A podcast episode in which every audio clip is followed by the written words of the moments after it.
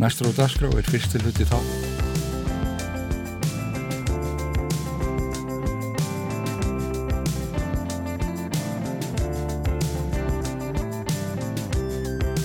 Rás 2. Fyrst og fremst.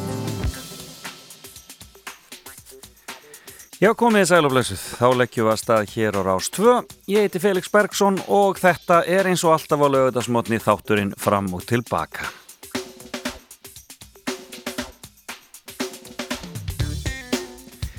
Já, hann er nabur hjá okkur í höfuborginni þennan morgunin en þetta er nú indalis og fallegt vetrarveður. Bara hvet ykkur til að fara varlega hvar sem þið eruð stött á landinu.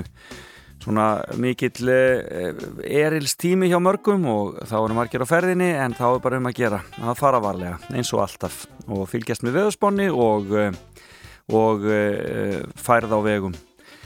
Það veitir ekki af. En við hefum skemmtilegan þátt hér framundan Ég ætla að fara með ykkur í fréttageturinn hér í lokþáttar. E, þá megið ringið í mig og taka þátt í fréttageturinn og e, velaunin e, eru eins og undanfarna laugardaga í fréttageturinn. Puls og kók og ís í eftirmatt fyrir þá sem að það vilja eða handa einhverjum öðrum. Og það er eins og vennilega þannig að það þarf að svara þremur spurningum rétt og þar með eru verðlaunin þess sem ringir. E, við ætlum síðan að heyra þarna, eftir nýju í henni Önnulári Steindal sem er verkefnastjóri hjá Þroskahjálp hún og uh, Sara Dögg uh, Jónsdóttir fóru í mikla ævintýraferð uh, og til Afríku að fylgjast með verkefni sem Þroskahjálp er að vinna þar með þróunar samanustofnun og e, þær lendi miklum aðeintýrum og e, komast allar heim út af Omikron, það eldi þær allar leðina heim en e, hún segir okkur betur frá því eftir og þær verður líka vitna ræðilegum áreikstri þarna og ímislegt sem gerðist en e, svona hún getur segir okkur, segir okkur betur frá því hvaða verkefni þetta er sem að þróskahjálp er að vinna þarna. Og svo er það Fimmann, hann kemur hér eftir smástundan Einar Hermansson, formadur S.A.A. og við ætlum að e, fara í gegnum Fimmanna hans sem eru fimm lög. Alltaf gaman að fá svoleiðis fimmu hér á e, e, lögatarsmotni og svo eru það jólalögin. Og ég ætla að gerast svo e, kræfur að spila engungu að öðru leiti en löginans einas ætla ég bara að spila ný íslensk jólalög. Korki meirinni minna því að það flæða hér inn ný jólalög og það er svo skemmtilegt. Þetta er svo mikið af flottu efnið þarna meðal að ég ætla aðeins að lefi ykkur að njóta hér eh, í þessum þætti. Og eh, það er nú bara mér sér þannig að ég kem ekki öllu að sem búið er að gefa út, það er bara algjörlega ótrúlegt. En eh, við heyrum betur af því hér og eftir lauginans einas verða hér í forgrunni minnskusti þennan fyrsta klukkutíma.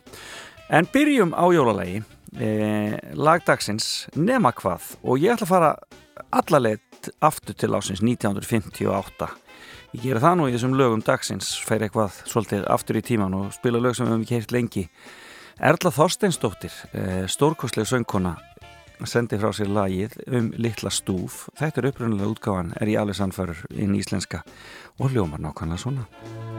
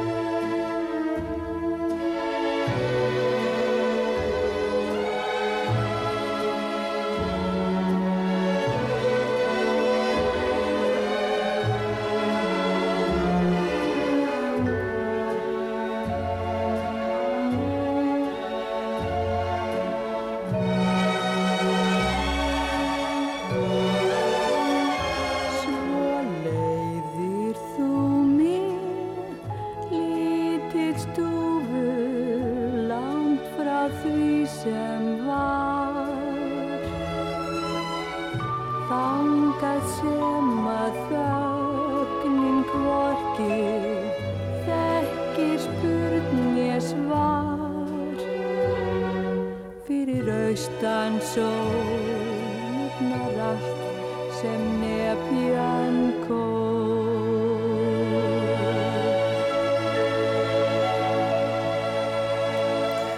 Þetta er dásamlegt og með sérstakri kveði á hverfisgötuna þetta lag Littli stúfur, þetta var Erla Þorsteins En það fyrir að líða því að við fáum hann eh, Einar Hermansson, formann S.A. á hérna til okkar Þetta er fyrsta lagið í fimmunni hans. Við skulum hlusta á það, svona að megninu til.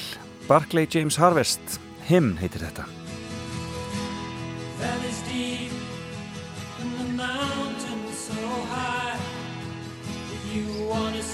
God, you've got to move on the other side. You stand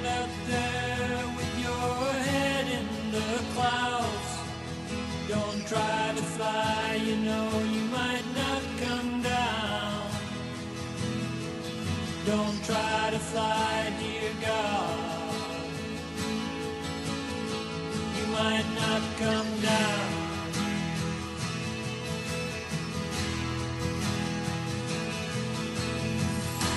Jesus came down from heaven to earth. The people said it was a virgin birth. Jesus came down from heaven to earth. The people said it was a virgin birth. The people said it was a virgin birth.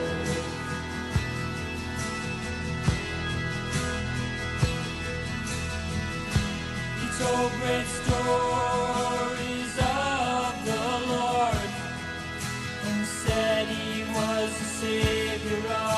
all. He told great stories of the Lord and said he was the Savior of us all. And said he was the Savior of us all.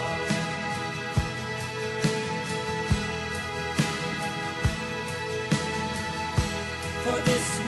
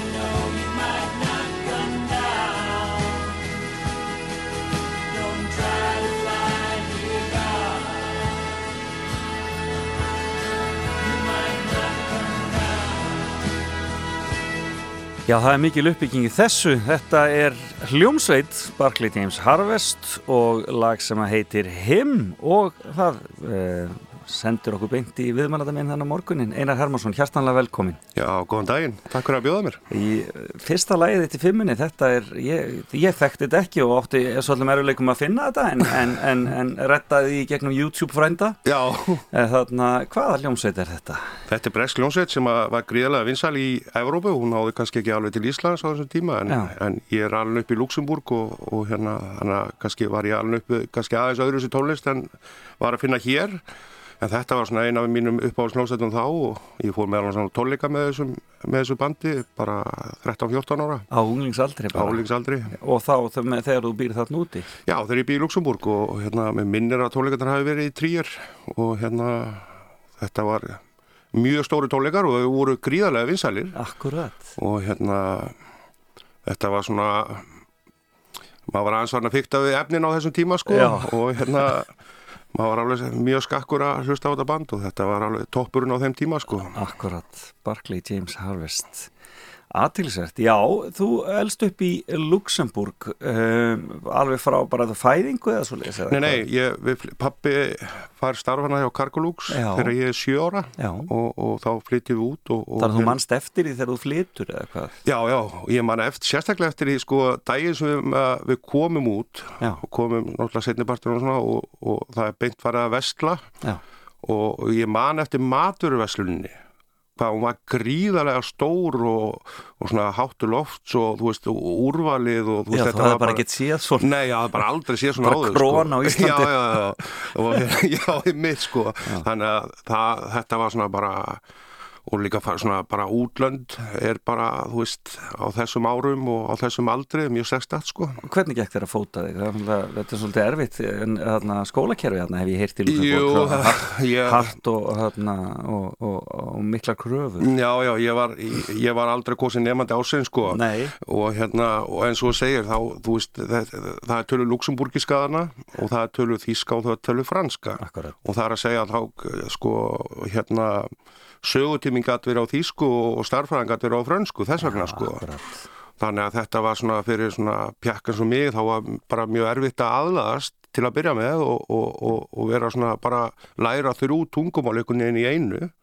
En þetta var nú þetta var gríðalega stór hópur íslendingur sem flutti hann út í kringum Karkolux og mikið af krökkum og, og hérna þannig að þetta var örgulega bara jafnar upp fyrir alla en, en þetta hafið slóksins Já, akkurat, þannig að þú lærðir en þannig ertu þá í rauninni fjór uh, tingdur eða fimm já, tingdur já, með ég- ennskunni eða? já, já og, og svo kann ég aðeins í dönsku og þannig að þú veist, ég, er bablandi á okkur sex tungumálum sko. Já, akkurat en franskan uh, franskan situr svona mest í mér bara því ég hafði mest fyrir að læra hana. Og hérna þannig að og reynur að halda í það þá einhvern máta? Já, ég var til dæmis fósetti Alliance Française hérna Já, já, í nokkur ok. ár. Já, og hérna á franskan vin hérna heima og, og ég bara reynir mikið að halda henni við sko. Það, mér finnst það bara nöðsulegt sko mælið með ferðan til París þessar dagana það er eitthvað, það er eitthvað góð stemming í París þessar dagana já, ég þeir hafa eitthvað náða þeir hafa eitthvað náða að slaka þess á í gegnum COVID já, ok þeir voru orðnir eitthvað svo leiðilegir réttir COVID þarna í gulvestungarnir Já, já, akkurat, sko. það er alltaf, það er- nú er bara allt einhvern veginn í róleitum Já,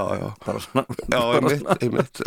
Hanna, en um, er, er fjölskyldan ennþá eða fjö, fjölskyldaðín ennþá í Luxemburg? Nei, nei, þau allir fluttir heim og, Já. og hérna sýsti mér var reynda lengstan úti Mhm. og hérna en mamma og pappi flutti heim og pappi fór að vinna hjá Æslandir Já, fyrir nokkrum árum síðan og en nú voru þau bara voruð fullorði fólk og, og hérna hætt að vinna. Já, en, en þau bygguð hérna í, í 15 ár eitthvað já, ég aðeins skemur. Já, ok.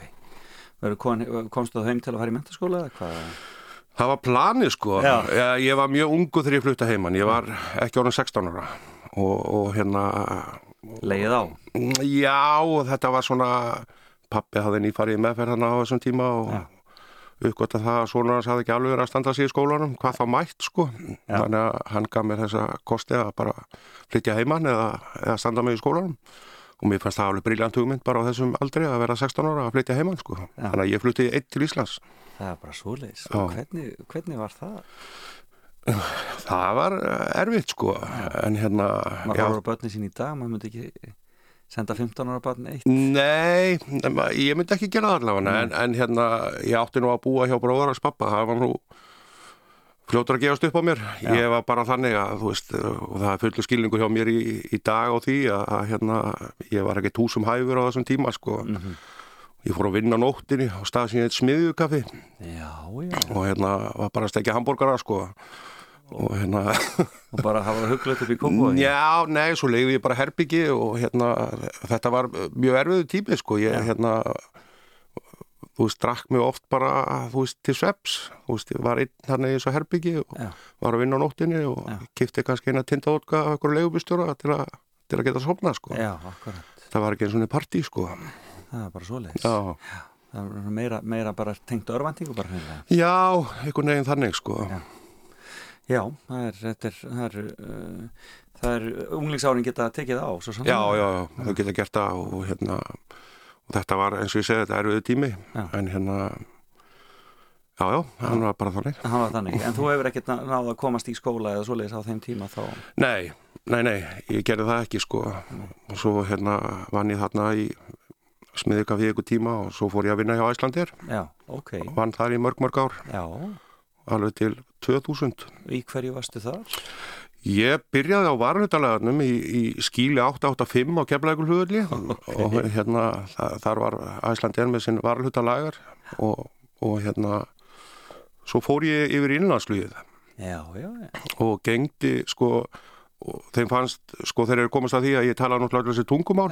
Og þá var kannski ekki besti staður fyrir mig að vera að græða varahluti sko og hann í flugurkjana þannig að ég fór yfir innlandsluði og gengdi bara öllu störfum sem er hægt að gegna þar alveg þannig til ég hætti þarna um aldamótin sko. Já, það var náttúrulega lítil operasjón uh, í rauninni, það var svona lítið, lítið kompani þannig lagað. innlandsluði Já, Nei, ekki á þeim tíma, þá Nei. fluguðu náttúrulega bara, þú veist, á Söðokróku, Húsavík og Pattersfjörð og Þingeyri og Hortnafjörðu og Vestmannegar og Akureyri, Eis, við flug, flugum á, á marga staði, sko, Norrfjörðu og þannig að þetta var svona, þetta var stærra á þeim tíma heldur en það er í dag, Já, sko, akkurat. og hérna, og þetta var náttúrulega bara eining innan Æslandir já, og hérna þannig að þetta var stór vinnustæð þó þetta var lítið eining, sko, Já. og þetta var, þetta var mjög skemmtilegu vinnustæðar, alveg frábær vinnustæðar og ég vegnast mína bestu vini bara þar sko.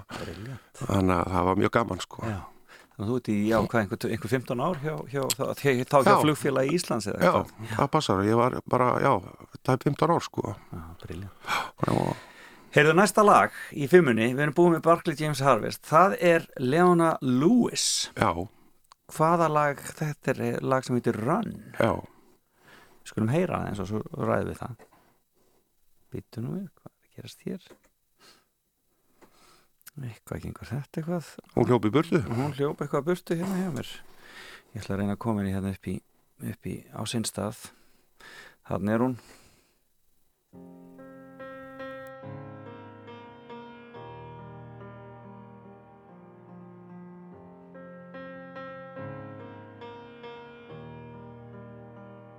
Sing it one last time for you. Then we really have to go. You've been the only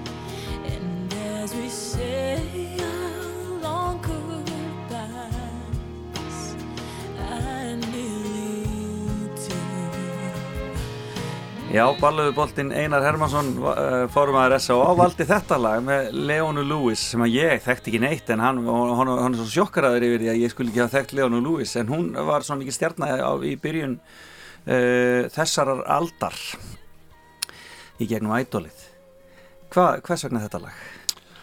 Þetta lag bara, uh, það er ákveðna minningar bara í kringum þetta lag. Ég var að, hérna, var að skilja á svona eh, kringum þetta tíma og, og, og run, þú veist, að hlaupa. Þetta er svona bara einhvern veginn, situr svolítið í mér þetta lag alltaf, tengið þetta við hennan tíma og hérna, og hérna, þó að þessi skiljar hafi verið í góðu og allt það, þá bara, þú veist, þá er alltaf svona tilfinningar og erfiða tilfinningar sem að því fylgja og, og hérna, og þetta lag var eitthvað í spilun ef ég maður rétt á þessum tíma og það bara einhvern veginn sittur í mér sko Já, það textarnir, þú sagði mér áðan að þú pældir mikið í textum. Textar væru þeir mikilvægir. Já ég spái bara og ég og hérna mér finnst mjög gaman að spá í textum og, og hvað textahöndar eru að hugsa þegar þeir eru að skrifa þessa texta. Því ég held þetta sé alveg eins með ríthöfunda þó að þegar þeir eru að skrifa skáldsögu þá er alltaf einhver sannleikur eða svona einhver eitthvað svona sem að viðkomandi rítumundur upplifað eða einhverja tilfinningar sem hann, tilfinningar sem hann hefur og, og sem að hérna bæði rítumundur og textahundur hafa svona kannski einhverja eiginleika til að koma á blað og, og hérna segja frá. Og mér finnst bara gaman að stúdira það sko. Og, hérna, og tengja mig kannski við það. Ég kannski bara hérna stundu skammast í mér fyrir það hvað, hvað, ég, hérna, hvað, hvað ég er mikið að spá í þetta sko. Já, akkurat En þetta er, þú ert þarna þú ert þarna að vinna hjá uh, flugfélagi Íslands og uh, ferðu þá að huga því að, stofna fjölskyldu og, og, og svona setjast að setja stað Já, að, já. þarna að setla þig niður Já, eftir sagt- erfið unglingsár Já, já, ég á sem sagt hérna fyrirvændi eiginkonu mín Þóra Björk og, og hérna eigum saman tvo drengi, þetta 92 og 94, Aron Orra. Já, já, og hérna og ég starfa hjá Æslandi til 2000 og þá fer ég eitthvað svona millibins, eh, þá fer ég að vinna hjá Markhúsinu. Það var svona fyrirtæki sem að sérhæðis í markpóstum og útringingar og svona, fer að vinna þar sem verkefnastjóri. Og svo dett ég inn á starfið sem að enn og aftur ég er bara í 15 ár og það er fyrirtæki sem heitir AFA José Co sem er sem sagt franskt fyrirtæki sem var með hérna starfsemi hér á landi og við rákum strætóskílu með auglýsingunum í. Já, já, já, og hérna almenningssalerni hérna í Reykjavík. Einmitt.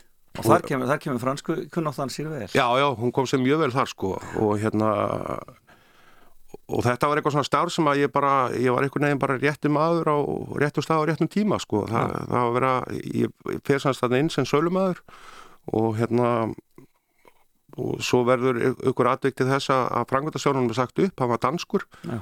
og mér er búið starfið já, já. og hérna og þar var ég bara þangað til 2018 þegar hérna AFA Jósefur Kó misti samningi við Reykjavíkuborg Já. og, og Billboard tók yfir og hérna það var enn og aftur bara gríðarlega skemmtileg starf og, og gefandi sko og ég kunni mjög vel við það sko Já. En hvernig fannst þér að verða faðir í, á, á tíunda áratöngum? það var mjög skemmtilegt sko og hérna já, það var bara æðislegt sko.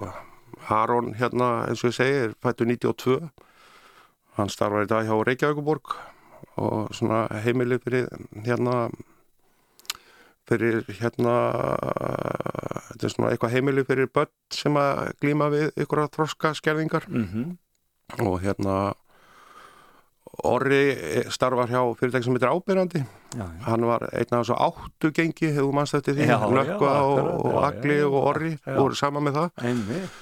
og hérna þeim gengur bara vel í lífinu og þeir hérna bara aðeinslega drengir sko og hérna já, bara frábært að fylgjast með þeim sko En þú sagði mér áðan, svona árum við byrjum að rappa, að þú hefði farið í þína meðferð 95. já, Þannig að, 27 ára það, þannig að það er svona í kjölfarið rauninni á því að, að börnin þín er að fæðast. Já, og sem betur fyrir muna þeir aldrei eftir með drungnum sko. Og hérna, og ég man að mitt síðasta fyllir ég var ekkert öðru sem fyllir ég þar á undan eða eitthvað þannig sko, þetta var bara uppgjöf og ég var búinn á því og, og eins og ég sagði líka við áðan ég þátt að, sko, ég fer á minn fyrsta sko tólsporafund 17 ára. Já. þá var ég búinn að vita í öruglega 2 ára að ég var að glíma við ykkur vandamál sko. Já. en hérna og þekktir hann náttúrulega heima frá föðu Já, já, þetta, ég segir nú alltaf hérna, ég voni sé nú ekki að móka neitt, en ég segi alltaf fjölskyldur minnir að stilla þannig upp að það, það, þeir sem eru búinir að fara og þeir smega það eftir, sko. já, og hérna, en nei, nei, það er bara, og lífið mitt í rauninni byrjar ekkert bara fyrir að ég tek á þessum, þessum máli, sko. Það er bara, þú veist, þetta er einhvern veginn, þegar þú ert að drekka þá, þá hérna er bara eh, fókusið þar og þú, og þú gerir ekkert annað en að vera að, að lifa lífin í kringu það. Mhm. en svo þegar þú hættir því þá getur allt annað sko. Já, akkurat, þá opnast allir aðri möguleikar. Já, og, og það er það sem gerist í mínu tilviki sko. Og það var vogur á þessum tíma eða eitthvað? Já, það var vogur og svo gangutildin hún var þá í árumúla eða maður rétt, frekar, eða síðumúla. Já. Og hérna var ég gangutilda með þar í þrjá mánuði og gekk þetta hjá þér frá fyrstu Já, fyrstu... ég var, ég var, sko, ég man alltaf eftir, sko, þegar ég tók þess ákvörðum að fara í meðferð og þá sögðu allir vinið mig eina, þú verður nú að detti það einu sinni en áður ferð, sko. En ég hafði bara, þú veist, ég bara gata ekki, sko. það, það var engin innægt fyrir því, sko. Og ég, þú veist, auðvitað kemur, sko, það er kannski minna núna, en þú veist, þegar maður sá einhverja svona bíómyndi, einhverja svona glansmyndi, þú veist, einhverja grilla, þú veist, með bjór svona á kantinum, svona alveg bara, þú veist, þú veist, þá kom svona sekundu brot, sko, ah, hvað var nú gott að fá sér eitt, sko, en svo kemur líka þessu, hvena fegstu þér einn, akkurat, þú veist, og þá, þá er það bara, þú veist, horfið í burtu, sko, nákvæmlega, já. þannig að, nei, nei, ég er bara, bara mjög ánær með þessi 26 ár sem ég er búin að fá að vera eitthvað, sko. Já, og þú það hefur tekið, lífið hefur tekið, þú eru upplifað, það var uppeigja sem að það tók. að klálega sko, það er bara þú veist ég, ég fyrir það fyrsta var ég ekki formaður þess að á í dag ég var að drekka þó, Já, það, er nú nummer eitt sko og ég held að ég var búin að missa ansið mikið frá mér í lífunni ef ég haldi áfram að drekka sko, Já, akkurat. fyrir utan það að ég var svo rosalega leðilegu fullu sko. Já, það er ekki, það er ekki, það er ekki betra. Eh, já, það er hérna. En við skulum fara í þriðalag og það er Kristoffer Cross, Arthur's Theme. Af hverju? sko þetta lag var mikið spilað við, þegar ég var út í Luxemburg og hann var hérna að reymbast við að vera í skóla. Þá voru til svona barir sem hétu Milkbar. Já, það voru svona barir sem að veitt ekki áfengi. Heldur var það bara svona bara svona bara eitthvað svona samkomastæða fyrir úrlinga bara, þetta var mjög mikið í kringum skóla já, sérstaklega mentaskóla og þetta voru svona bara hangout fyrir krakka sem voru á leið í skólan eða í, að koma úr skólanum og, og, Ok. og, og hérna og maður hjekkur rosalega mikið þar sko og hérna og þetta lag, ég man ofta mótnana sko þegar maður hérna mætti en hætti svo við að fara í skólan sko já. til að fara að gera eitthvað annað þetta lag var svo oft í spilunarna og þetta, svona, þetta lag hefur fyllt mér bara alla tíð síðan sko Skulum heyra það.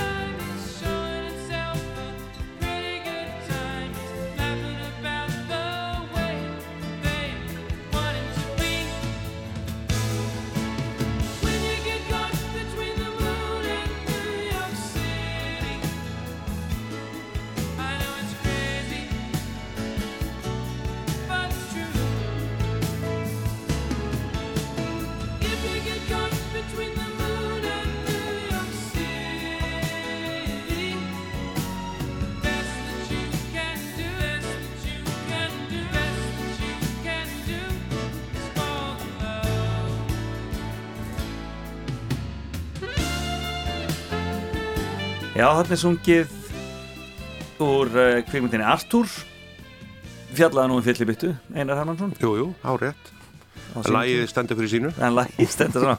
Og frábær söngveri Kristofur Kross. Já, æðislur og einmitt svona uh, svolítið skemmtilegt að þú um tengir þetta Luxemburg því að þetta er náttúrulega hann er gríðarlega vinsall í Þískalandi og svona í uh, Evrópu. Já, já, svona þessum Benelux-löndum Já, er hann akkurat. gríðarlega vinsæl sko. Akkurat. Eða var það allavega og er öruglega þá þessi típa poppi svolítið sko. Já, því þetta lag er svona bara það hefði alveg skilt að vera samið í fyrra sko. Þetta er svona síkilt lag sem að allir geta hlustað á sko En Þú veist að segja, að þú heyrðir þetta á svona mjólkurbörum. Já, Þannig að þetta var semst útskýrðu betur hvað þetta er, þetta voru staðið semst fyrir ungt fólk í rauninni eða sem að semst fyrir unglinga þá, er þetta rauninni bara Já, eins og, næstu eins og svoleiðis? já í rauninni sko. Þetta voru samt bara barir Já, og hérna, en samt ekki veitt áfengi sko, þú kannski samlokur og þú veist og, og hérna og þetta var svolítið merkilegt í Luxemburg sko. Það er hérna, áfengisaldurinn var 17 ára á börunum. Já, þú mátti taka bít frá 18 ára og hérna en svo var maður alltaf að reyna að kaupa bjórin sko.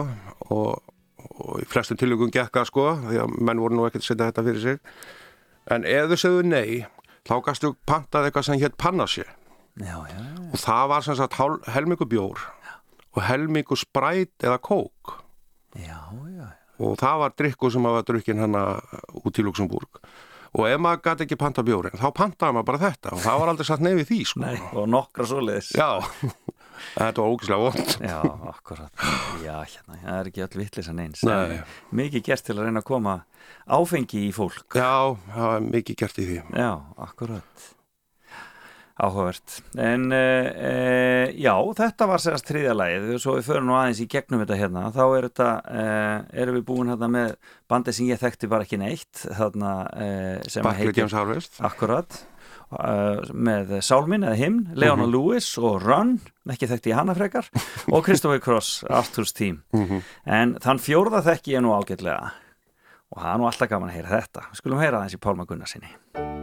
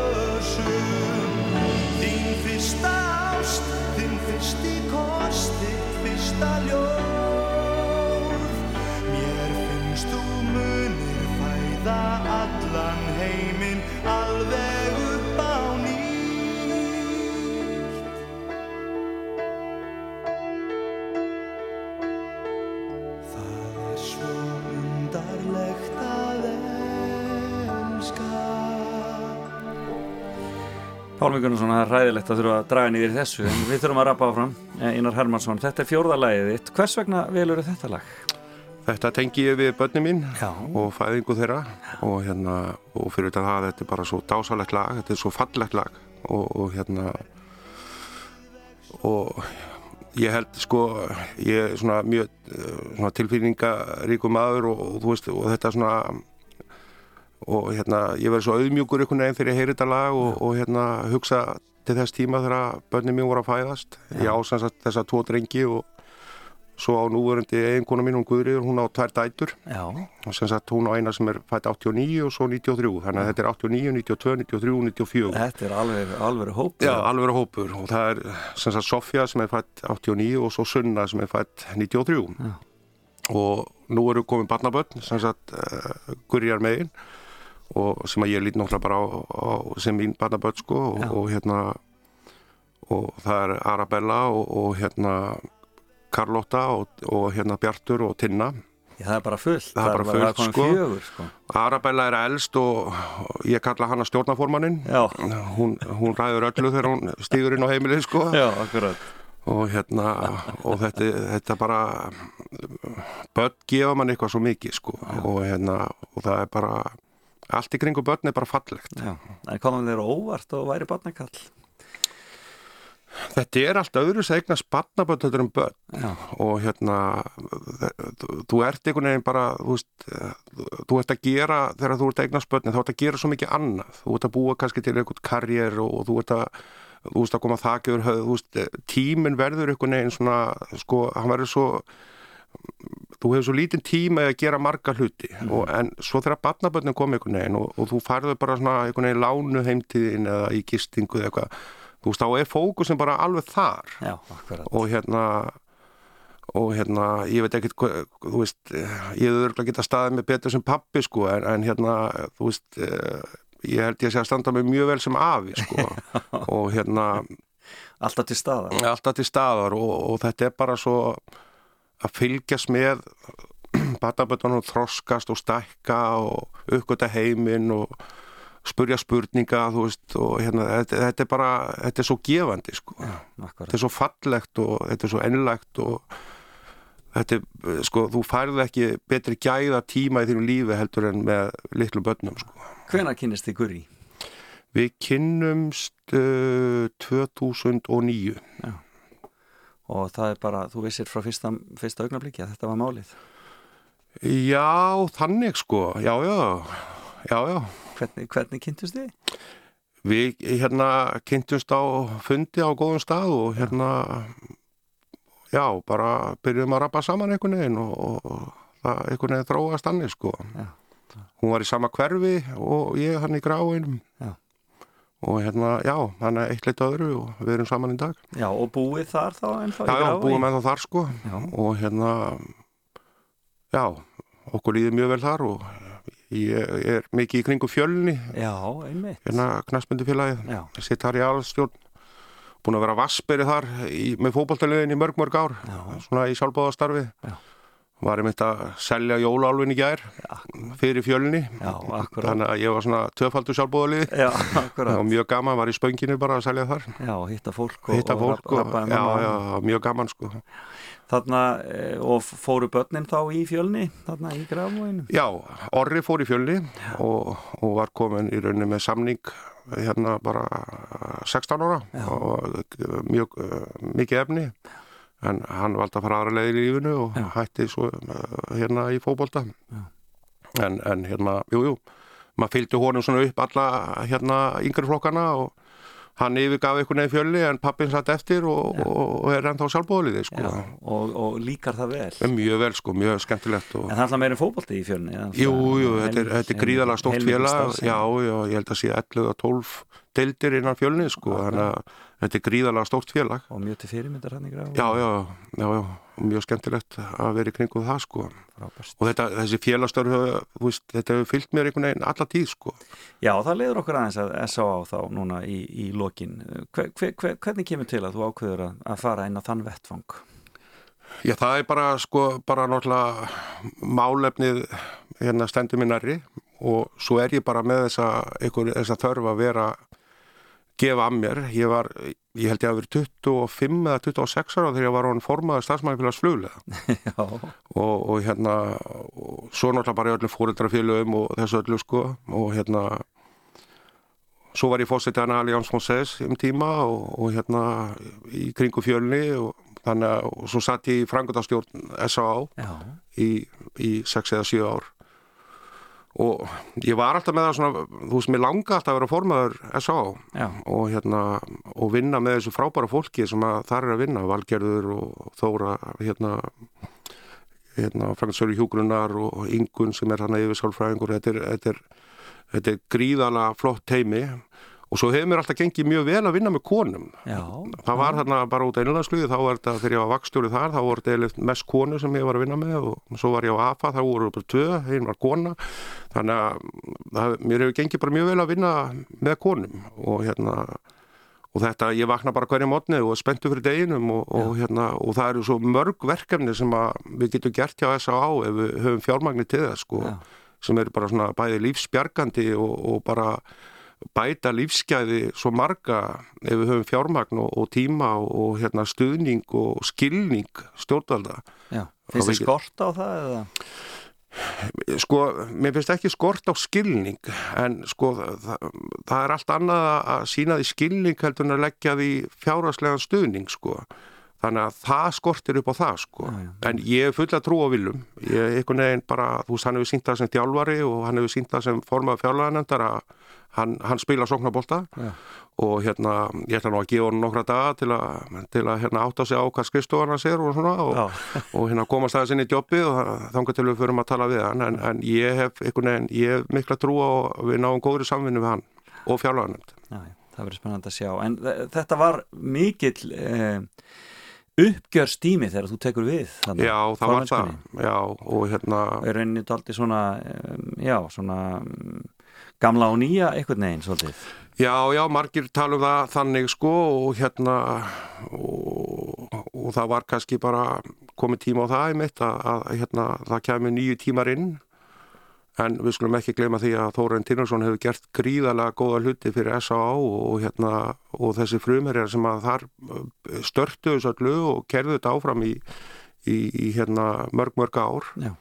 og hérna Þóren á, á staðistan hluta af þessu með sínu framlægi og hérna en svo er S.A. verið 45 ára næsta ári þannig að þetta er mjög flott að líða og það er, það er sko sjúkdókumurinn hefur þróast á þessum tíma þú veist að við erum að horfa þó að þetta sé sko helsuvarsvandi og hérna og það sko þá, þá er félagsvandin orðin svo mikill líka sko Já. þannig að sko meðferðar úræði þarf að spanna lengri tíma til að ná að byggja upp fólk og, og það er kannski það er kannski okkar hlutverk að koma því í skilning hjá stjórnvöldum að þurfi sko, ég tala oft um bata og virkni, þannig Já. að þú veist fólk komið til virkni aftur, Já, en svo er líka bara gríðarlega mikilvægt að, að við nálgumst skjólstæðingana á svona þeirra fórsendum Mhm.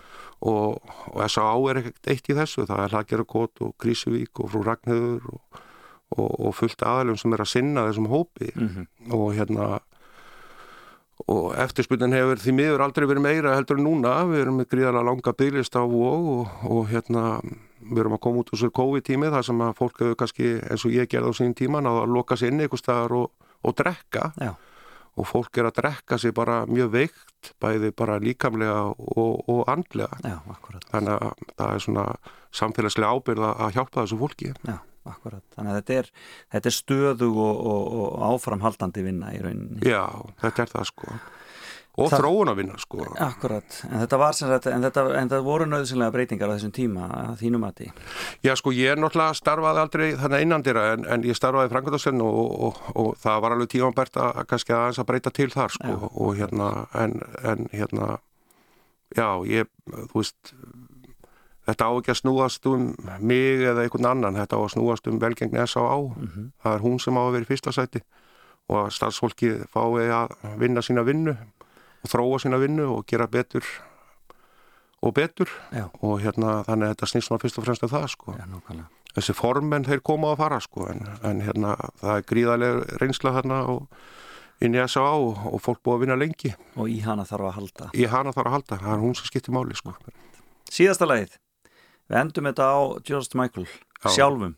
Hann átti nú smá, smá fíkni vandablæð Jú, jú, af mínum upp á alls hann stórko, var stórkoslega og mikill harmdöði það maður hugsaði oft um það hvað hann gæti verið að gera flotta hluti ef hann hefði bara verið almennilegur. Þarna en eh, December Song er lagi sem þú velur. Það er jólalag í lókin Þetta er jólalag í lokin en samt sko, þetta er jólalag sem að hérna, sko jólin hafa mér alltaf verið mjög erfið. Já, og hérna og ég hef svo sem ekkert sagt frá þessu áður en, en hérna fyrir þremur árum síðan þá hérna sko í gegnum tíðina þá eins og ég sagði þá að þessi tími hefur verið mér erfiður og, og hérna ég hef yfirleitt eh, bara eh, verið mjög þungur á þessum tíma. Já. og hérna fyrir þremur árum síðan þá hérna uh, akkurat á þessum tíma eða kringu þennan tíma þá, þá var ég bara þá var bara svartnætti mjög mikið. Og hérna ég var komin á þann stað að ég var búin að ákveða hvernig og hvar ég ætlaði að klára mitt líf. Og hérna það sem að sko bjargaði því einhvern veginn að ég gerði það ekki var að ég, ég lá heima hjá mig bara hérna uh, upp í sófa bara með dreigi fyrir og kona var farin í vinnuna og ég er nefnilega og það er svo merkilegt með með svona þunglindi og, og hérna að það eru svo margir sem á að fela þetta sko. Já, þú veist, þeir eru bara skemmtilegur út á við og bara svona, en inn í sér þá bara, þá, þá blæðir sálinn einhvern veginn, sko, ef, ef þetta væri svona hérna, ef þetta væri sínanlega blæðing þá væri komin bara margir helbriðstafsmenn bara reyna að berga lífið þínu, sko. En og, þetta er inn í þér og, og hérna og ef þú vilt ekki tjáði um þetta, tala um þetta eða sína þetta, því, því finnst það kannski bara að þú eigir ekki hérna verandi þú að vera í þessum spórum að hérna já og þarna var ég bara og kona mér hringdi eitthvað bara nýju morgunin og, og hérna og ég, var, ég var bara leiðin út sko að, framkoma að bara að hérna klára þetta. Og og, og ég bara, ég, ég missi þetta út um að segja bara, veist að ég bara get ekki lengur sko. Já. og hún, hún, hún, var svo ein alltaf sem sá það sko, ef, þegar ég var að fara veist, ég, ég, hún kallaði þetta bara ég fór að byggja svona múr bara í kringum mig veist, og bara, þú veist, og, hérna, hleypir engum að. hleypir engum að og, og hérna samum allt og einhvern veginn svona og, og, og Raggi vinnu minn kom hana bara tímyndum setna og ég, ég var, fór inn á geðdeild og, og hérna þeir vildi leggja mig inn en ég vildi það ekki. Aha. og hérna og þá einhvern veginn sko þó maður sé edru og sé byggja upp sitt líf og sé á tólspóra fundum og svona ef maður á eitthvað svona þú veist eh, að því við erum að tala um þetta lag þá er þetta svona lítið drengur. Þú veist, ég, ég, ég fer alltaf einar litla einar. Já, og hérna sem að kannski á svo erfitt og, og lífið þess e- e- einhvern veginn svo hérna fyrir fyrir eða svona e, yfirþyrmandi og, og þannig að þú veist hérna þetta, já og þetta var bara mjög erfiðu tími Já. og hérna en sem betur fer þá hérna tók ég leiðsögn og, og, og hérna tóka þessu máli og, fyrir þremur árum þangað til í dag sko þá náttúrulega er ég bara allt annað maður og, og, og ástæðan fyrir ég kannski að segja frá þessu núna er, er bara úst, grímur og, og híðan umstæð sem hafa verið hann í geðhjálp, þeir hafa gert svo gríðarlega hérna svona bara opna þessa umræðu og, og tala um þetta og, og það er hægt að sækja sig hjálp. og það er hægt að sækja sér hjálp, guðminn álmáttugur og hérna, og ef ykkur hérna úti er, þú veist, að því, ég veit að það eru margir sem að bara, þú veist, þi, þi, þetta eru erfiðu tími, Já, og hvíða valdandi fyrir já, Já. en þú veist, með faglegri hjálp og góðu vinum Mhm. Þegar Raggi vinur minn kemur heim til mín þennan, þennan morgun þá var bara nóg að hann sagði eina, viðstu að ég bara er hérna fyrir þig, sko. Veist, við þurfum ekki meira, sko. Og hérna en, en þetta er bara eins og ég segi þetta er bara, þetta var erfiðu tími en, en hérna, sem betur þú veist, þetta var búið að fylgja mér í mörg mörg ár ég tók á þessu og hérna er bara miklu betur í dag, sko. Já, gott að heyra, gott að heyra. Skulum heyra þetta lag, uh, George Michael, December Song, Einar Hermansson, formaður S.A.A. Takk fyrir að koma og takk fyrir einlægnina og, og, og gott að hitta þig. Takk fyrir mig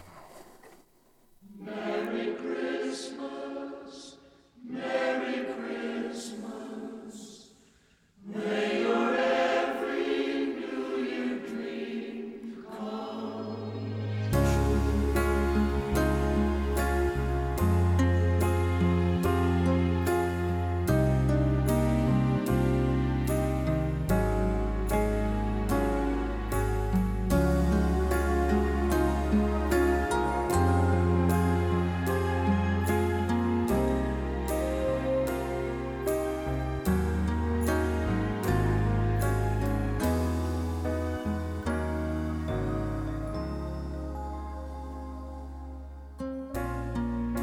Sweet December song, the melody that saved me.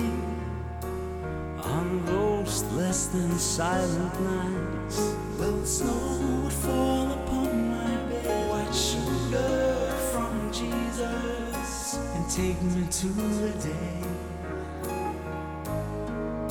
she could always smile, the virgin child show you sin just to save me. There was always Christmas time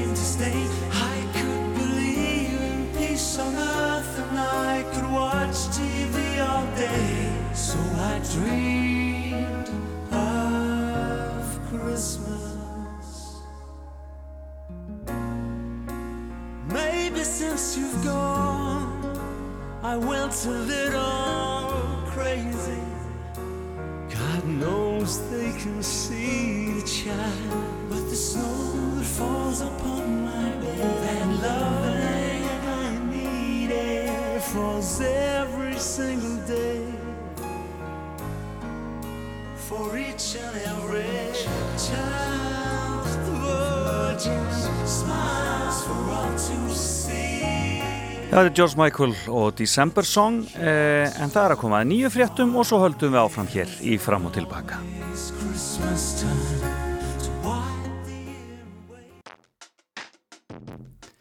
Já, þá höldum við áfram hér í fram og tilbaka á Rás 2.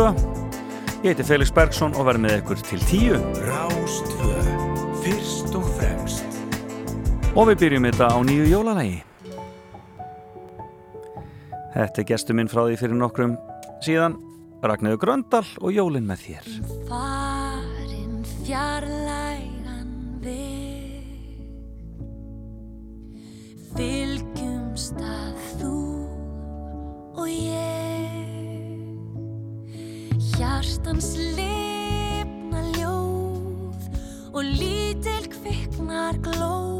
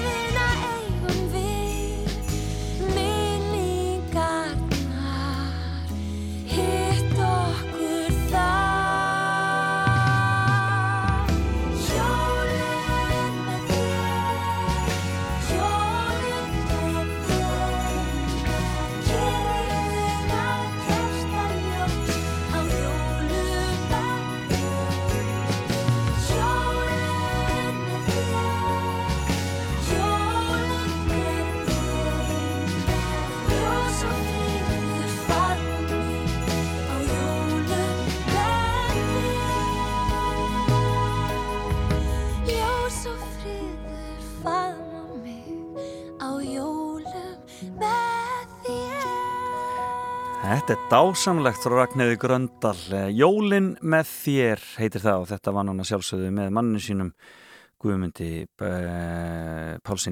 gí, uh, gítalegari og Guðmundi Pétursinni fyrir gefið, Guðmundi Pétursinni gítalegara og þetta er frábært hjá þeim. Frábært, hún var búin að segja mér frá þessu lagi þegar hún kom hérna til mín í fimmuna fyrir nokkru síðan, hér í fram og tilbaka og ef þið viljið heyra þann þátt og fleiri þætti þá er hægt að finna fram og tilbaka bæði á hlaðvarpsveitum og einnig á rúf.is og þar er hægt að hlusta á þessu við til að tilvalið að taka svona fimmu viðtal með sér í göngutúrin og við vorum einmitt með eitt slíkt í morgun einlagur og flottur, hann Einar Hermansson formaður S.A.A. sem settist hérna hjá mér og hann hefur aldrei lifað tíman að tvenna og mi mikið lífslaup ólst upp í Luxemburg flutti sjálfur einn heim til Íslands 15 ára gamall og uh, átti erfitt ungur, sem ungur maður í mikill í neistlu uh, uh, tví giftur fjögur börn fjögur barnabörn og frá heilmikla segja og svo átökin í S.A. og allt það þannig að þetta er, það er ímislegt sem að hann hefur frá að segja og uh, var gaman að fá hann hér í morgun og fimmann hans, hún var voru fimm lög og ef við förum aðeins aftur í gegnum það hvaða lög þetta voru þá var það Barclay James Harvest sem er e, brestband með e, lag sem heitir Hymn Leona Lewis, brestsöngkona Run, Christopher Cross með Arthur's Team, Pálmi Gunnarsson frá Akureyri Þitt fyrsta brós og George Michael December Song. E, og e, já, einstaklega gaman að hitta einar. Og hér á eftir ætlum við að rappa við hana Önnu Láru Steindal sem er verkefnstjóri hjá Þroskahjálp en hún er að koma með mikil æfintýrafæri til Afríku, til Malawi nánar tiltekið. Og svo verður fréttageturinn hér á sínum stað og þá getur þið ringt í mig. E, og svo ætlum ég að spila nýjólalög og hér er bara eitt alveg splungunýtt frá heiðu trúbadór og það er hún kikka sem á textan og þetta er Jóla hitt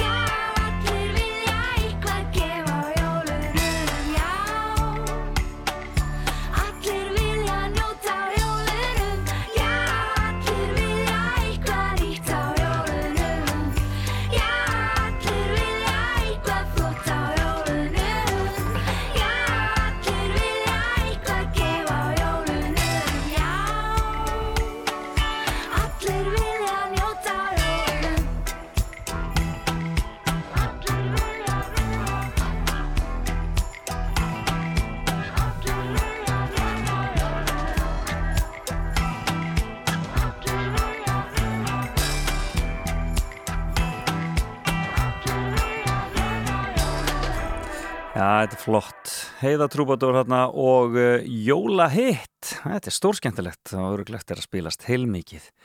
E, og e, hér eftir smá stund þá ætlum við að heyra nýtt lag frá Rakel Pálsdóttur. Svo er það Salkasól líka með nýtt. En e, þar, þar á milli ætlum við að heyra inn í önnu Láru Steindal sem er að koma úr æfintirferð til Afríku. Fram og tilbaka. Ljúfur laugadagsmorgun á Rástvö.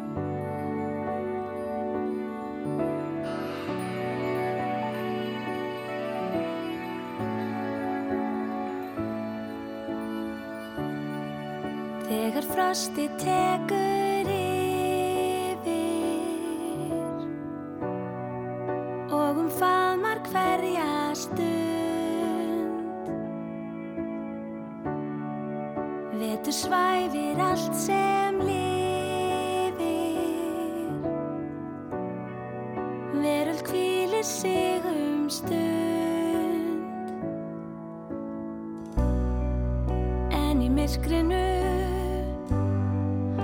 Djúpu frostinu ætíð fæðist þessi galdur sem ég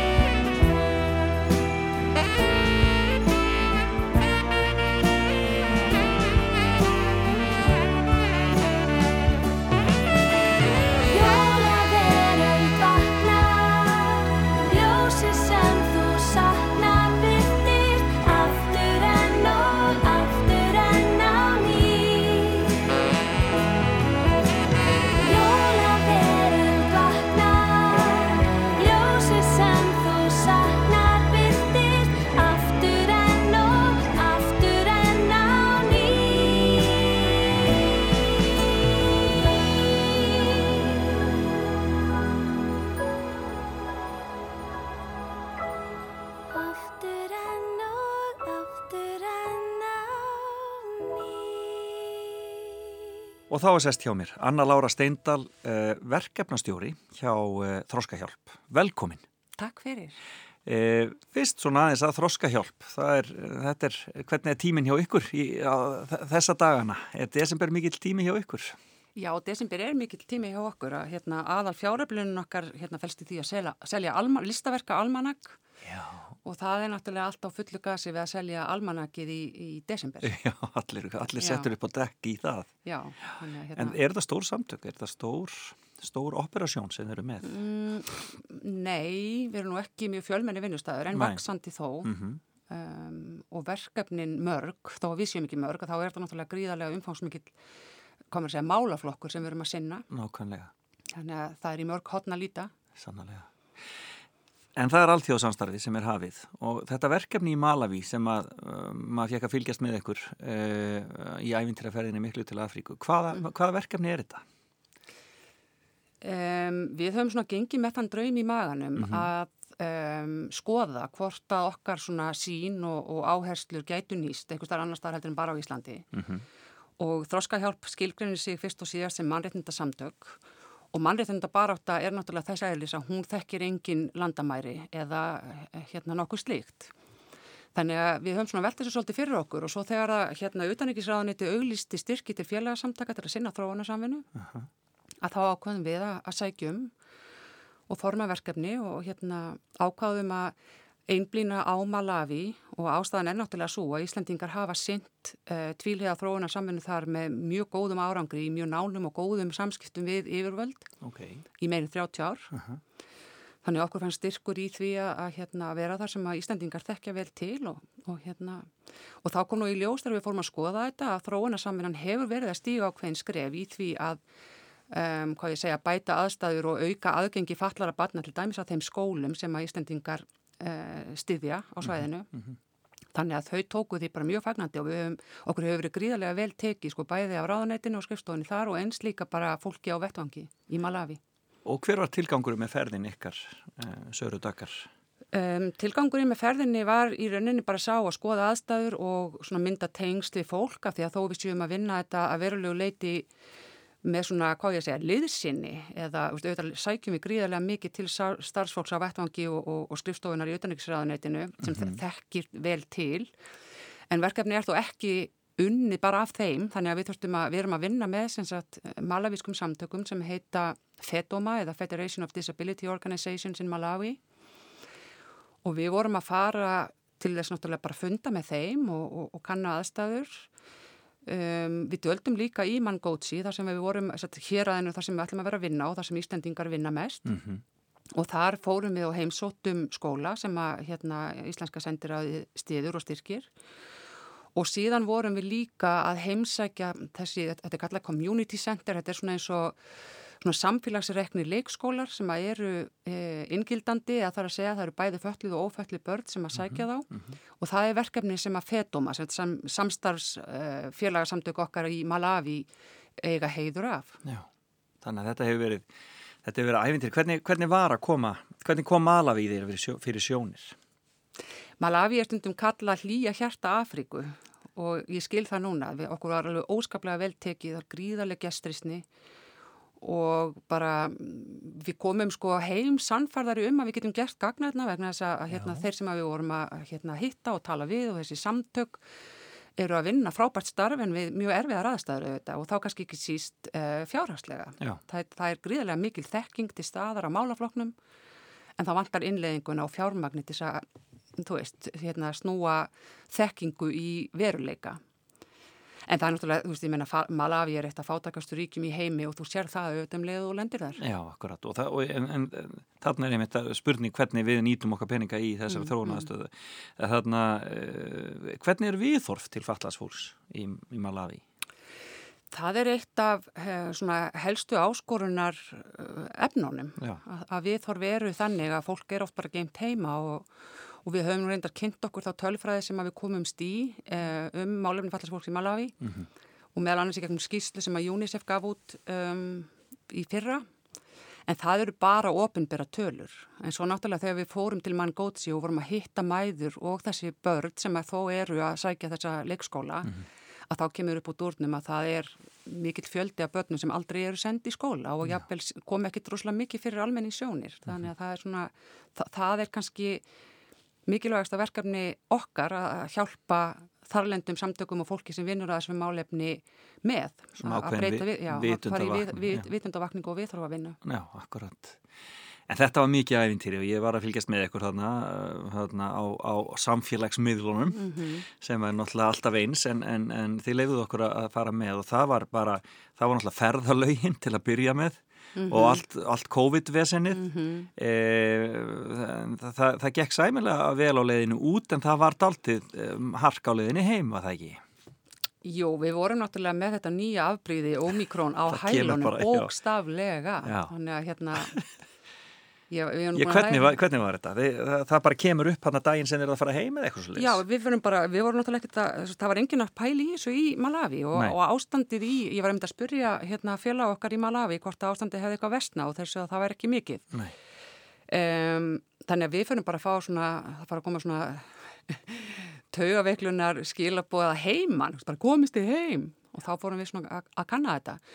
En þegar við setjum fljúum um, frá Malawi til Kenya og fljótlega eftir það lokaði Kenya á hérna Malawi En við komumst til London að því við vorum að koma frá Kenya þegar þá var London, Európa-sambandi búin að loka á Malawi þannig að við komumst þá til London að því við vorum að koma frá Kenya. Og svo þegar við komum til London þá áttum við flug alveg eldsnæmi morgun klukkan 6 og þegar við lendum svo heima klukkan 9 þá beðið okkur bara hérna mjög skýr skilabóð frá hérna National Health Service í, í Breitlandi um að við værum kyrsettar þangt við fengjum farim í PCR-próf og síðan erum við búin að fá okkur þrjú símtöl sko, bara það sem að fólk breytanir, Bret- halda þið séð ennþá í raun. Já, og þegar síðast þegar ég fekk símtalið, það var ég nú bara í göngu í laugardalunum og Já. mann man greiði söpáli kveljur, Já. þangað til að ég sá hann með að þetta var náttúrulega ég væri sjálfskeipaður í sótkví og, og væri nú ekki umgangast fólk og þá sagði hann bara, já það er gott, þetta er virkilegt neyðar ástand, þannig að þeir greinilega eru taka þetta mjög alvarlega. Já, í Breitlandi, akkurat. En ég er búið að glöða að við erum ekki lokaðir í tíu daginn á hótelherbyggi í London. Nei, akkurat, það munaði semst engu í rauninni. Já, fyrst að komast ekki frá Malawi og svo, en, en Malawi er í suður, já, sunnanverðri já. Afríku. Það er bara hérna næsti bærið Mozambique. Akkurat, þannig að það er í rauninni að hluta þessu svæði sem að síðan Já, hefur verið lokað já, af út af þessu Omikron mm dæmi. Þetta er En, en ég hérna, var nú að hérna, já, spurja félaga mína í Malawi, þú veist, þeir segja, nei, það er ekkert að breytast, einu ágjörna sem við höfum er að regnið kemur ekki. Já. Og það er hérna, eru lofslagsbreytingarnar. það eru lofslagsbreytingarnar, þá að vera, rektímin á að vera löngu byrjaðar en hann lætur býð eftir sig. Og það er, það er áhyggjefna þessum slóðum. Mjög mikið. Það sem margir treysta á Fólk náttúrulega bara treystir á uppskeru og landbúnað upp á bara geta fætt fjölskylduna inn á morgun og hinn. Já, þetta er svona, þetta er svona frá, frá jörði í munn, Mhm, einhvern veginn. eh, en það var annað eh, og skuggalæra atvik. Þið urðu vitni að árekstri. Já, Það var hérna eitthvað svakalugur, Það eitthvað svakalugur, uh, hérna, einhver svakalugur upplifun. já, það, það var mjög, uh, já, það var hérna, ég hef aldrei orðið vitni að neinu slíku sem betur fer kannski en, en við sem sagt komum að þar sem að hafa orðið um, slist þar sem að þrýr fór, það voru þrýr aðilar sem voru á móturhjóli Já, Um, við sáum nú ekki alveg hvernig þetta gerðist en bílstjórun okkar uh, síndist að það hefði sett flutningabíl um, sett farið aftan á hjólið Já. og og þannig að þau voru látin öll sem þau höfðu verið á hjólunni. já, og bara já, það var skelvileg sín En það er kannski annað sem maður upplifið með kemur þar Afríkur, einmitt þetta uh, öryggisleysi umferðinni Mm. og hérna, þessi svona einhvern veginn eh, og, þe og þeir eru ennþá þar, þar sem við vorum kannski fyrir, fyrir einhverjum áratugum síðan í, í svoleiðis já, já. málum. Ekki. og svo náttúrulega, þú veist, er náttúrulega bara svo hættulegt sko, þetta endur alveg í björtu sko, Já, að það er náttúrulega hjá þeim eins og okkur að það er ekkert listar upp sko götur hérna út í sveitum Nei. sem að nánast allt er, nema kannski bara borgin og jafnvel í borgunum er það ekki heldur sko. Nei, og lífið á sér allt stað þú veist, það bara, lífið fer fram þú veist, meðfram sko, Við göturnar, hérna við fjölförnustu hérna vegina. Mm þar sem fólk er að selja hluti og það eru markaðir og þannig að fólk, það er alltaf svo mikið af fólki sem er hvort sem það er gangandi eða á reyðhjólum eða, eða móturhjólum eða bílum og bílarnir náttúrulega alveg tróðfullir og Já. hérna þannig að því miður og þá eru umferðarslýs mjög tíð og oft mjög ljót í Nei. Malawi Ertu konu Afríkuveikina?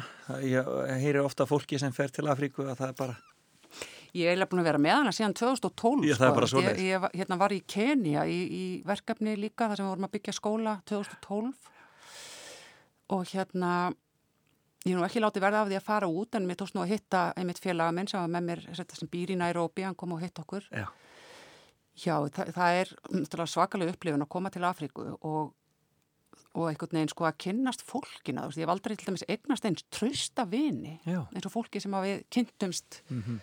2012 sem að enn heldur sko treyð og, og það, er, það er allt þeim að þakka að sambandi helst enn vegna þess að þau sko jafnvel þegar fólk býr við hérna náttúrulega fátækta, þú veist, svona á sex mánuða fresti, þá, þá kaupaði sér sko símkort til að ringi okkur þess að það sé ekki allt í, í sóma og, akkurat. Dásamlega opið hjarta og, Já, bara, já, og góða manneskjur. indislegt. Hvað er, næst, hvað er næsta skref í þessu verkefni ykkar hjá Þróskahjálp? Eh, Já, sko nú hérna, við náttúrulega erum full uh, áhuga á því að taka þetta verkefni skrifinu lengra og teljum eftir að hafa verið þarna að það séu mörg tækifæri til þess að leggja lóða á vogarskálanar. um, það sem við fengum núna frá ráðuneytinu var svo kallaðu nýliðastyrkur, þú veist til þess að svona kanna málinn og svona þreyfa á hérna aðstæðum og, og, og sjá hvernig þetta gæti lagst.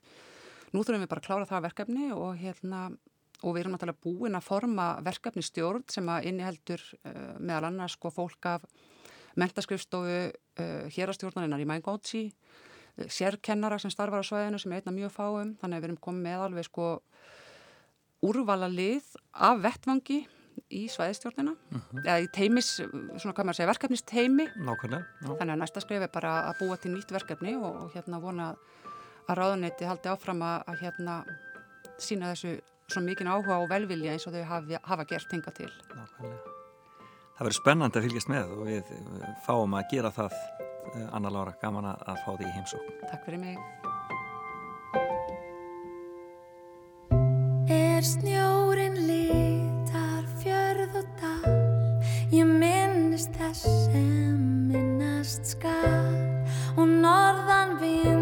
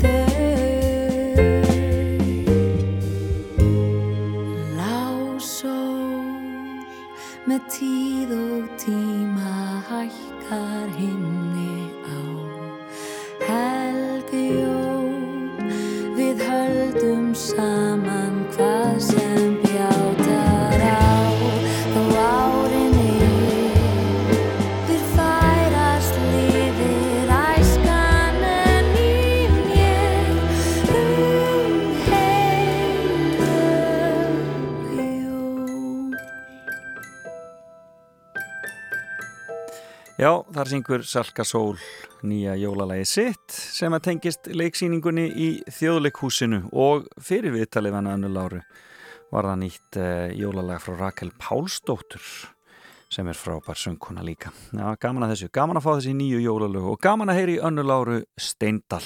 En hér eftir auðlýsingar þá ætlum við að skella okkur í fréttagetrun. Eitt lag og svo fréttagetrun. Fram og tilbaka á Rástvö.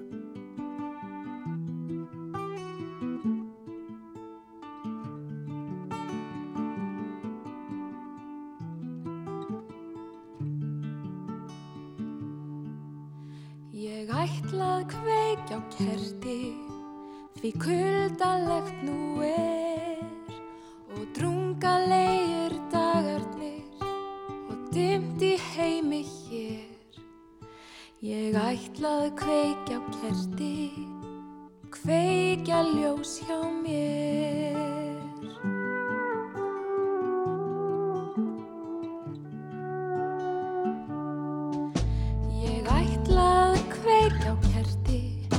Því klukkan hún er margt. Og allt er hér svo óskaplega Annarlegt og hart. Ég ætla kveika á kerti Því kvöldið er svo svart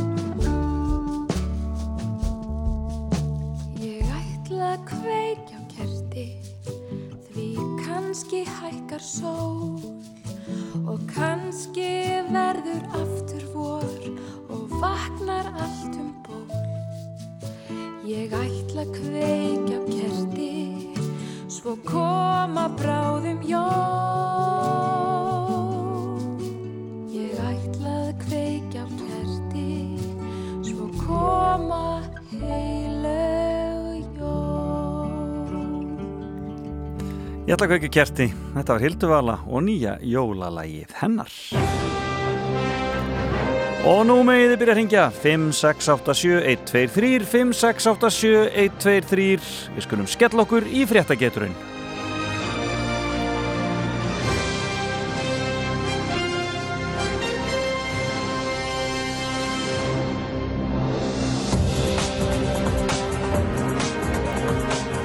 Já, ímislegt búið að vera í fréttum í vikunni og ekki bara COVID sem betur fer og línur eru byrjar að loga og ég er hér með gjafakort í pils og kók og jójó ís, korki meirinni minna.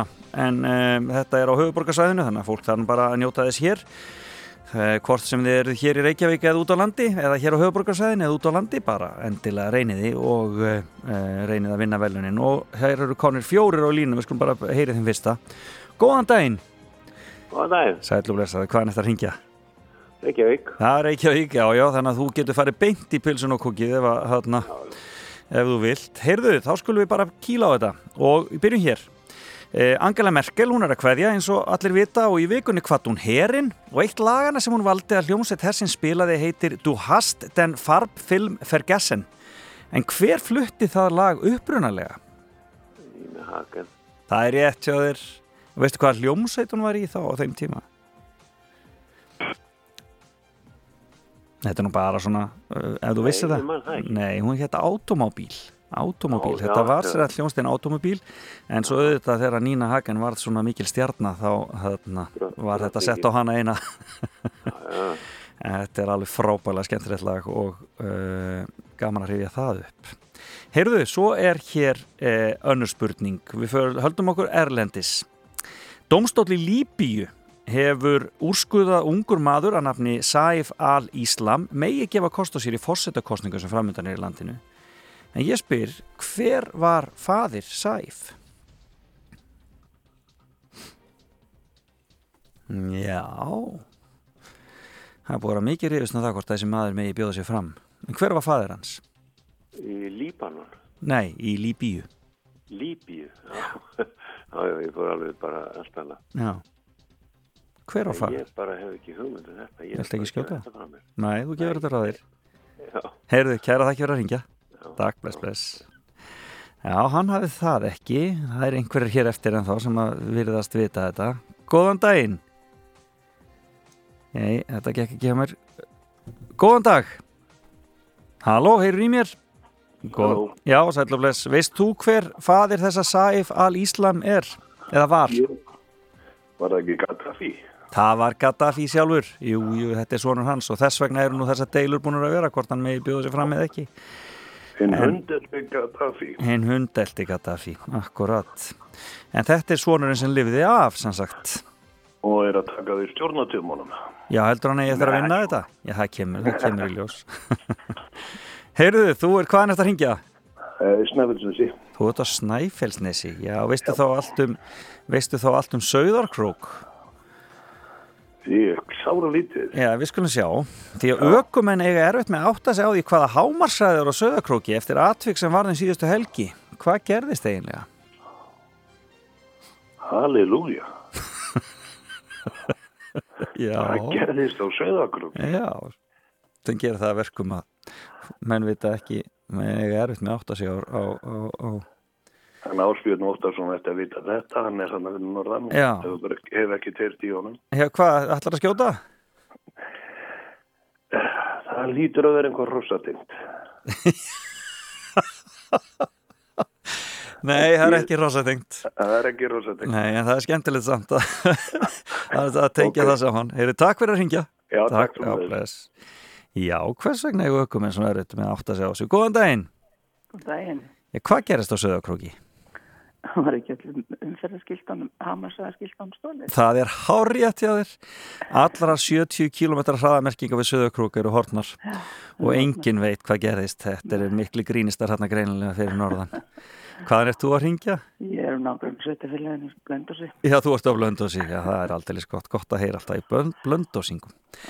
En þá spyr ég, landstæktur leikari og söngvari ættaður frá Borganesi lést í vikunni 99 ára að aldri. Hver var það? Það var ekki Jón Sigurbjörnsson. Það var Jón Sigurbjörnsson, hárétt og, e, og dásamlegu maður þar, Jón, það er eins með kynntust honum. Jæja, á ég ekki að reyna að finna eitthvað svolítið erfitt fyrir því hérna í lokin. Nei, nei. En bara... Sjá hvort þú getur þetta. Stjórnvöld á Ítalíu hafa kynnt nýjar og hertar samkomu takmarkanir á samt ákveðnari reglum um bólusetningavottorð. En maður nokkur í borginni Biella reynda að grípa til óvunleisa ráðs til að komast fram hjá reglunum. Hvað gerði maðurinn þarna í borginni Biella? Það er ímislegt sem fólk leggur á sig nefnilega til að þurfa ekki að, að fá bólusetninguna. Hvað gerði hann? Ég er ekki hugmynd. Þú er ekki séð þessa frétt? Nei. Ekki hugmynd. Ekki hugmynd? Oh. Já, þetta er svo skemmtileg frétt nefnilega. Já, heyrðu, við, við vorum að leiða einhverjum öðrum að reyna. Gerum það. Kæra þakkir. Já. Takk, bless, bless. Já, og hvað gerði ítalski maðurinn í Biella? Eh, Hvað gerði hann til að reyna að komast hjá reglunum þarna á Ítalíu? Góðan daginn. Góðan daginn. Veist þú hvað hann gerði þarna maðurinn? Hann setti gerfuhönd. Hann mætti mig gerfi handleik, já. Þetta er dálítið langt gengið til að losna við bólusetninguna. Ha, þetta er, þetta er alveg hárétt hjá þér. Hárétt hjá þér. Þú ert komið eitt rétt. Hvaðan er þetta að ringja? Ég er reyngja Reykjavík. Þú ringir úr Reykjavík. Heyrðu, þá spyr ég. Andrés Ingi Jónsson, þingmaður Pírata, fór hörðum orðum um skipan ráþeira í nýri ríkistjórn í umræðum um stefnuræði fósættisráþeira. Og sagði meðal annars, skipun hans er móðgun við fólk sem gerir réttmæta kröfum löngu tímabarar fram, framfarir í þá réttlætis. Hvaða ráþeira var hann eiginlega að tala um? Það er aðeins að hugsa. Já. Hann var bara mjög mjög pyrraður. Heyrðu, það heyrist svo mikið í, sím, í, útarpinu hjá þér, þú þarfst eiginlega að slökka því hérna. Ég skal, ég held að ég, Þú veist ekki hvað ráþeira þetta er? Er þetta, er þetta sem að dómsmálaröður? Já, hvað heitir dómsmálar á þeirra nýji? Jón Guðmundsson. Er það lokasvar? Það er loka svar. Jón Gunnarsson. Gunnarsson. Gunnarsson, þú hafðir þetta þarna, þú varst að, að segja að hann væri Guðmundsson, ég með leist ekkert á þetta. Jón Gunnarsson, hárétt hjá þér, þú náður þessu. Þetta hafðist, þetta var þarna, þú vissir þetta alveg sko, þú varst bara eitthvað stressaður. Heyrðu, ha, Ég er alveg, alveg, ég er ekkert stressaður. nei, gott að heyra. Þá ætla ég að spyrja og þetta er fyrir uh, velunin, hvort þú getur þessa spurningu.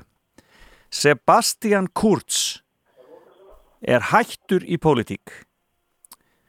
Hver er Sebastian Kurz sem er hættur í pólitík?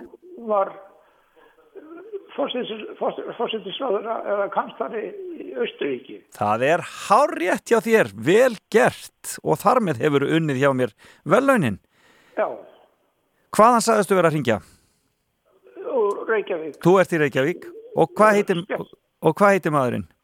Gestur Kristjánsson. Gestur Kristjánsson Heyrðu þú átt hjá mér hérna gjafabref í, í pulsu og kók og, jójó ís Er þetta ekki fyrir tvo? Jú, jú, jú, jú, þetta er fyrir tvo svo sannarlega, með sé að pulsu er fyrir þrjá þannig að, er að, þannig að þú getur svo, sannarlega notið þess en þú eru að koma við hjá mér eiginlega hérna í efstaleitun og ná í þetta hjá mér Ég gerði það. hérna í móttökunni Já, Gestur Kristjánsson, kæra þakki fyrir að ringja og til aðmyggjum með þetta þakka fyrir. Takk fyrir, blessaður Bless. Bless. Já, gestur Kristjánsson var það sem tók uh, fréttageturinn að þessa vikuna. Þakk ykkur öllum sem ringduð og tóku þátt og reynduð að taka þátt. Það verður fréttagetur hérna aftur eftir viku. Og við höldum okkur í nýju jólalögunum. Hér er Katrín Halldóra, svo frábæra söngkona og gleðileg jól. Kvöldið er hljótt og komin jólanótt Húra tvö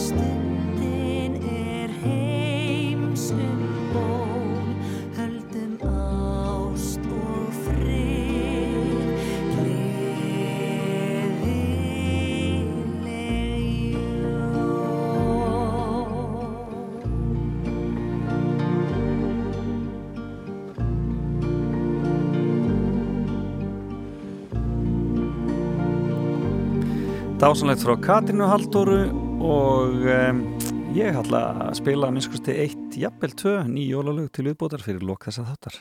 Velkomin á Fætur. Fram og tilbaka á Rást Ég finn það á öllu þau er að bresta á Það er ekki um að villast held ég sveimir þá Já, það liggur eitthvað í loftinu Sjáðu öll ljósinn, snjórin er lendur Sjálfur er ég freka spendur Allt er til reyðu,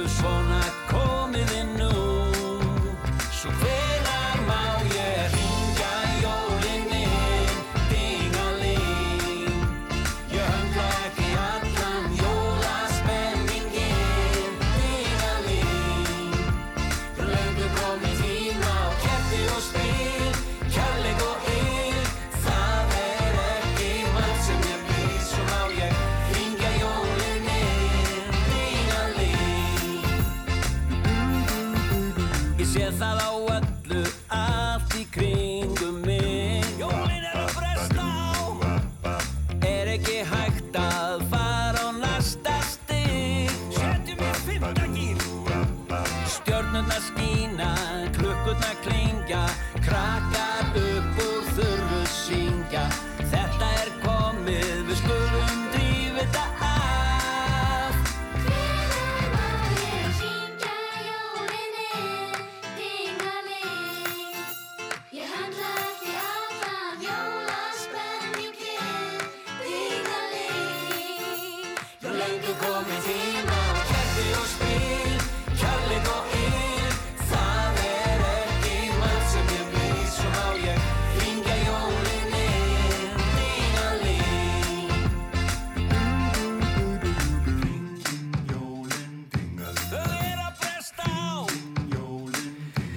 Já, okkur liggur stundu svolítið á hringin jólin og það er mér sér gerst hér hjá Ríkisútarpinu en það er önnur saga. Þetta er búið hjá mér í dag, þetta var þátturinn fram og tilbaka. Ég þakka frábærin gestum mínum Önnu Láru Steindal og Einari Hermannsinni og ykkur fyrir að hlusta og ykkur sem tóku þátt í fréttageturinni. Ég verð hér að sjálfsögða aftur eftir viku og klárum þetta með Birgitta Haugdal og nýja jólalæginu hennar. Þetta var auðvitað Latti, nýja jólalægið hans, en Birgitta syngur Ég man svo vel um jólin. Og það verður síðasta lægið í þessum þætti í dag. Heyrumst aftur eftir viku og spilum fullt af nýjum jólalögum og höfum það skemmtilegt. Gott að vera með ykkur. Bless, bless. Um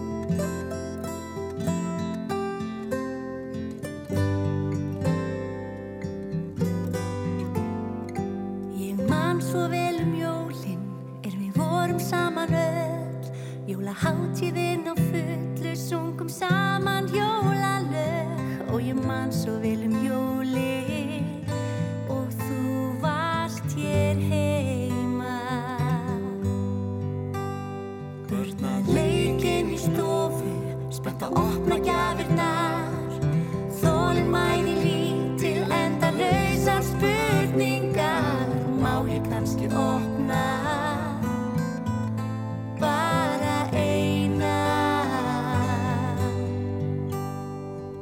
Lítið famla klukkan sex